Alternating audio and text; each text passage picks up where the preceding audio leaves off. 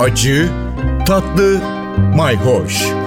Yemek kültürü yazarı Aydın Öneytan'la bir tutam tarif, biraz da tarih. Merhabalar. Geçen hafta pekmezden girdik ama pekmezden çıkamadık. Çünkü pekmez çok geniş bir konu. Ama pekmez deyince farklı pekmez örneklerinden bahsetsek de üzüm ayağı birazcık eksik kaldı. Evet farklı üzümlerden yapılan farklı pekmez çeşitlerimiz de var ama asıl kuru üzüm bizim ülkemizin çok önemli bir ürünü. Çekirdeksiz kuru üzüm yani sultaniye üzümden yapılan kuru üzüm Avrupa'da özellikle şimdi yaklaştığımız Noel döneminde keklerin, pastaların, çöreklerin gözdesi. Üzüm konusunu zaten ele almayı düşünüyordum ama pekmezden üzüme geçmemin nedeni İzmir'de katıldığım bir toplantı. İzmir Ticaret Borsası tarafından düzenlenen gastroekonomide tarımın rolü konulu bir arama toplantısı yapıldı. İzmir Ticaret Borsası, Borsav ve İzdoğa, İztarım gibi kurumların katılımıyla düzenlenen arama toplantısı tarım ve gastronomide yapılabilecek eylem planlarını, e, yapılabilecek e, projeleri irdelemek üzerine e, düzenlenmişti. Türkiye'nin ilk kadın borsa başkanı olan Işınsu Kestelli'nin önce olduğu toplantıda pek çok taraf bir araya geldi. Bir anlamda proje paydaşları diyebiliriz. Benim de bu toplantıya katılmam benim için çok ufuk açıcı oldu. Eskiden beri ilgilendiğim konularda pek çok yeni bilgi edindim. Ee, çok değerli araştırmacılarla ve çok değerli üreticilerle tanıştım. Ege bölgesi çok geniş bir bölge. Sadece kıyı olarak e, düşünmemek lazım. Özellikle İç Ege tam bir e, tarım cenneti. Burada tabii ki üç güzeller ön plana çıkıyor. Yani üzüm, incir ve zeytin.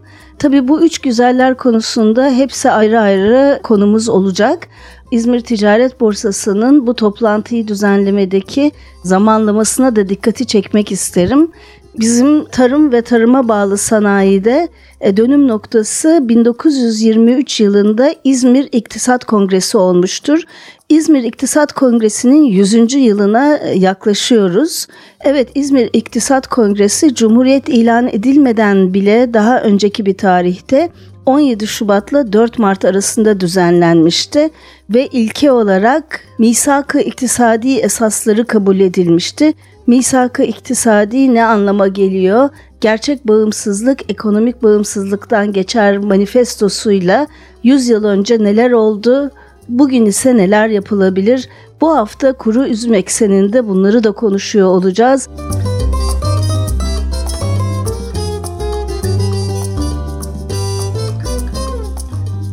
Kuru üzüm Türkiye için çok önemli bir ihraç kalemi.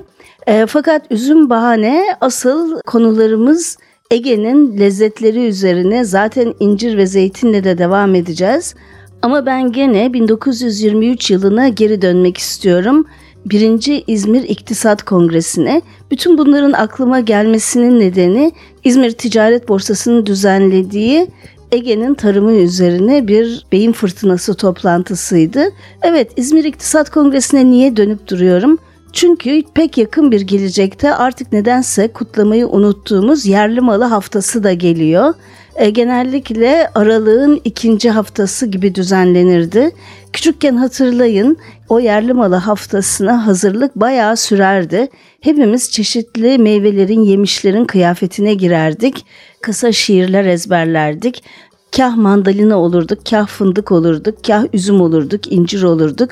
Türkiye'nin belli başlı ürünleri olurduk.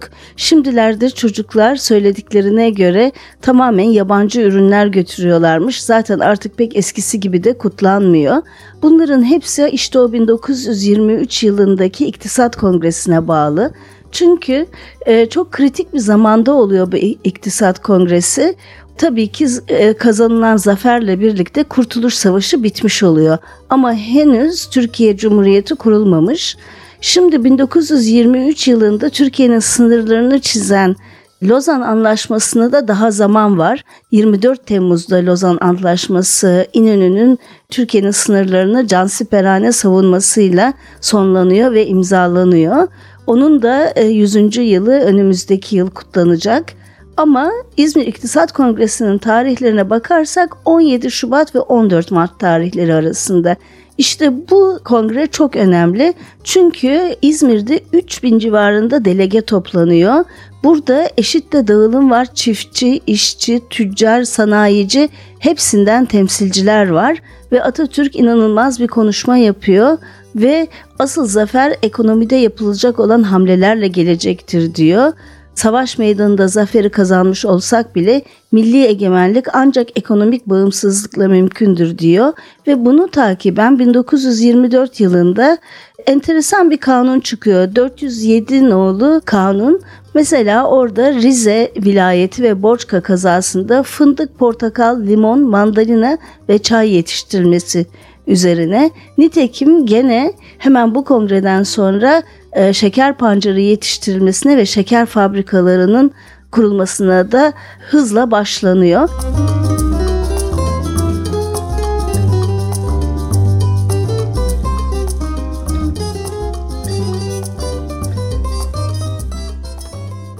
Kuru üzüm çeşitlerine bakınca her zamanki gibi coğrafi işaret listesine de bir bakmak lazım.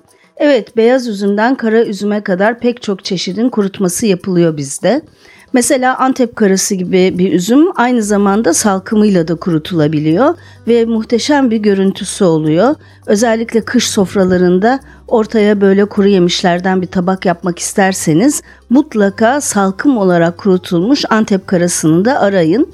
Keza kilis karası gibi bilinen üzümler yaş olarak bölgenin ünlü horoz karası üzümü.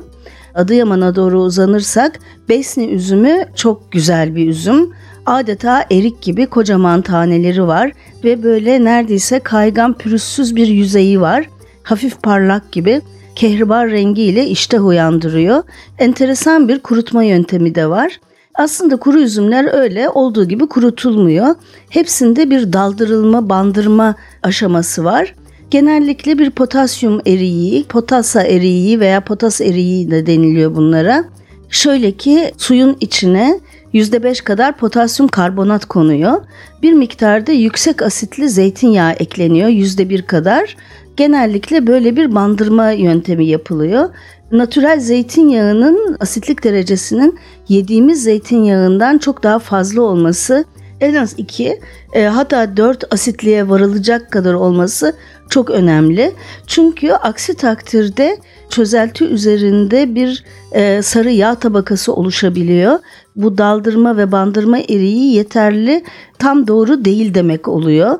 Çözelti üzerinde sarı bir yağ tabakasının asla oluşmaması lazım. Bu da ancak yüksek asitli zeytinyağlarla mümkün oluyor. Zaten zeytinyağı önce kendisi çırpılıyor. Hatta bu çırpılma elle yapılıyor. Sonra üzerine azar azar bu potasyumlu su ilave ediliyor. Yani bir yerde mayonez yapar gibi düşünün bir emülsiyon oluşturuluyor ve 100 e, litrelik kazanlara neredeyse tonlarca üzüm bu şekilde batırılıyor. E, son derece ilginç. Besni üzümünde ise Potasyum eriği yerine geleneksel olarak küllü su kullanılıyor ve zeytinyağı ile birlikte keçi sütünden elde edilen eritilmiş tereyağı da ilave ediliyor. Oldukça ilginç bir yöntem. Gerçekten de aslında bilmediğimiz ne kadar çok şey var. Eğer bizzat bunun üretiminde yaşamamışsak, şahit olmamışsak. Evet bir de sultani üzüme geleceğiz ki coğrafi işaretliler içinde en ilginci onun hikayesi.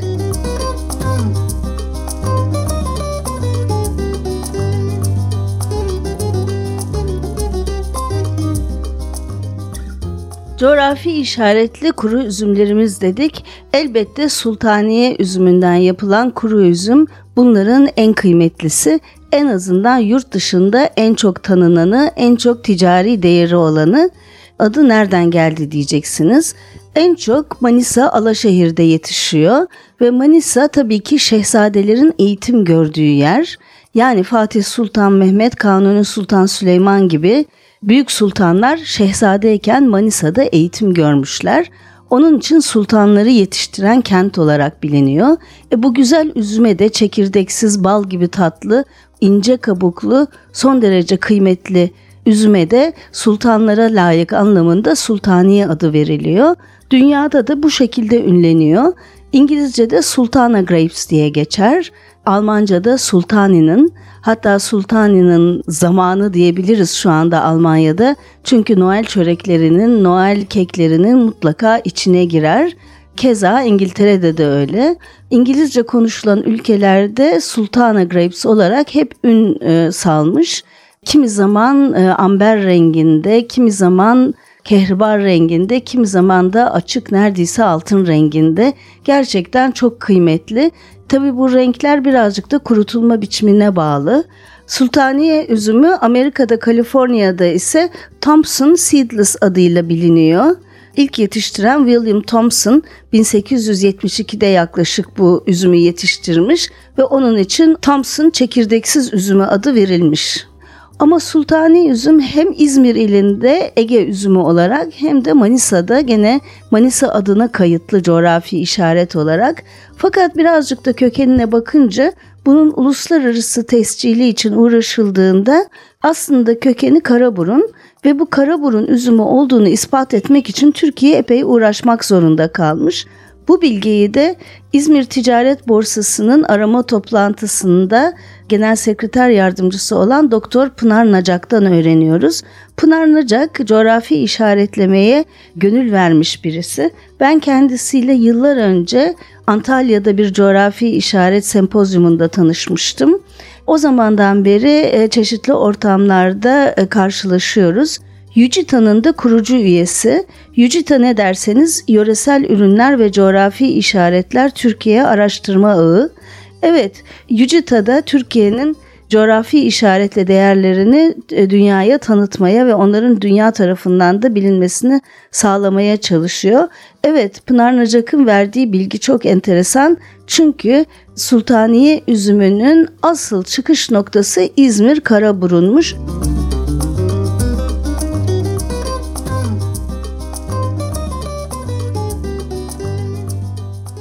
Türkiye'nin bin bir türlü çok güzel kuru üzümü var. Fakat bu sultaniye üzümü zaten yurt dışında da sultana diye veya sultaninin diye ün yapmış. Fakat bunun araştırması yapılırken aslında menşeinin İzmir'de Karaburun olduğu tespit edilmiş. Hatta Amerika'da 1800'lerdeki kayıtlarda da Karaburun menşeinden bahsediliyormuş. Bu bağlantıyı bulan hatta Yunanistan'ın sultani üzümü kendilerine mal ederek tescil alma girişimine de itiraz dosyası hazırlayan Pınar Nacak'tan bilgileri alıyoruz. İşte onlar İzmir Ticaret Borsası olarak bir araştırma yapıyorlar ve Karaburun'da 90-100 yaşında bir amcadan öğreniyorlar Eskiden kayıklarla Karaburun'dan, bağlardan eşeklerle yüklenirmiş sultani üzümler ve gene Karaburun'dan İzmir e, limanına gidermiş ve buradan yurt dışına ihraç edilirmiş. Bu yaşlı amca o üzümün nefasetini anlata anlata bitirememiş. Rengi sarımtırak, rayihası çok yüksek, hoşafı başka olur diye. İşte bir ailenin bahçesinde birkaç asma bulmuşlar ve şimdi İzmir Ticaret Odası bir proje başlatmış birkaç yıldır. Karaburun Sultanisi üzümünün koruma altına alınması ve üretiminin yaygınlaştırılması projesi.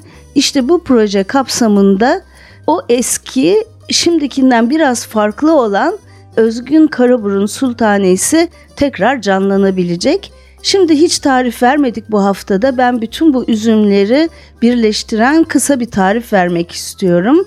Afganistan'dan Afganların Nevruz için yaptığı bir tarif. Adı da Haft Miva yani yedi meyve. Evet 7'ye tamamlamak için bir kere 15 adet kuru kayısı kullanacaksınız. Bunu iri doğrayabilirsiniz. Sonra 7 taneye tamamlamak üzere 6 cins birer fincan sultani üzüm, besni üzümü, dolmalık üzüm bunlardan her türlü üzüm türlerinden koyun.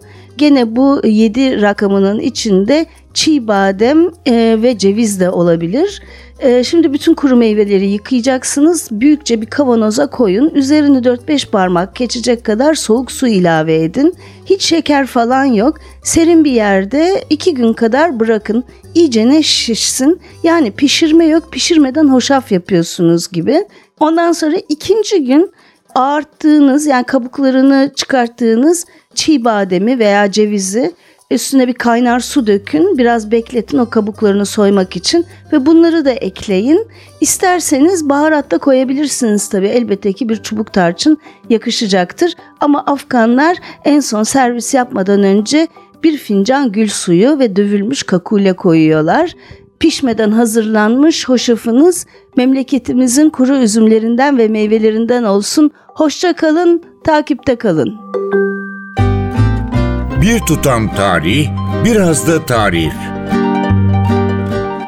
Aydın Öneytan'la Acı Tatlı Mayhoş Arşivi ntvradio.com.tr adresinde Spotify ve podcast platformlarında.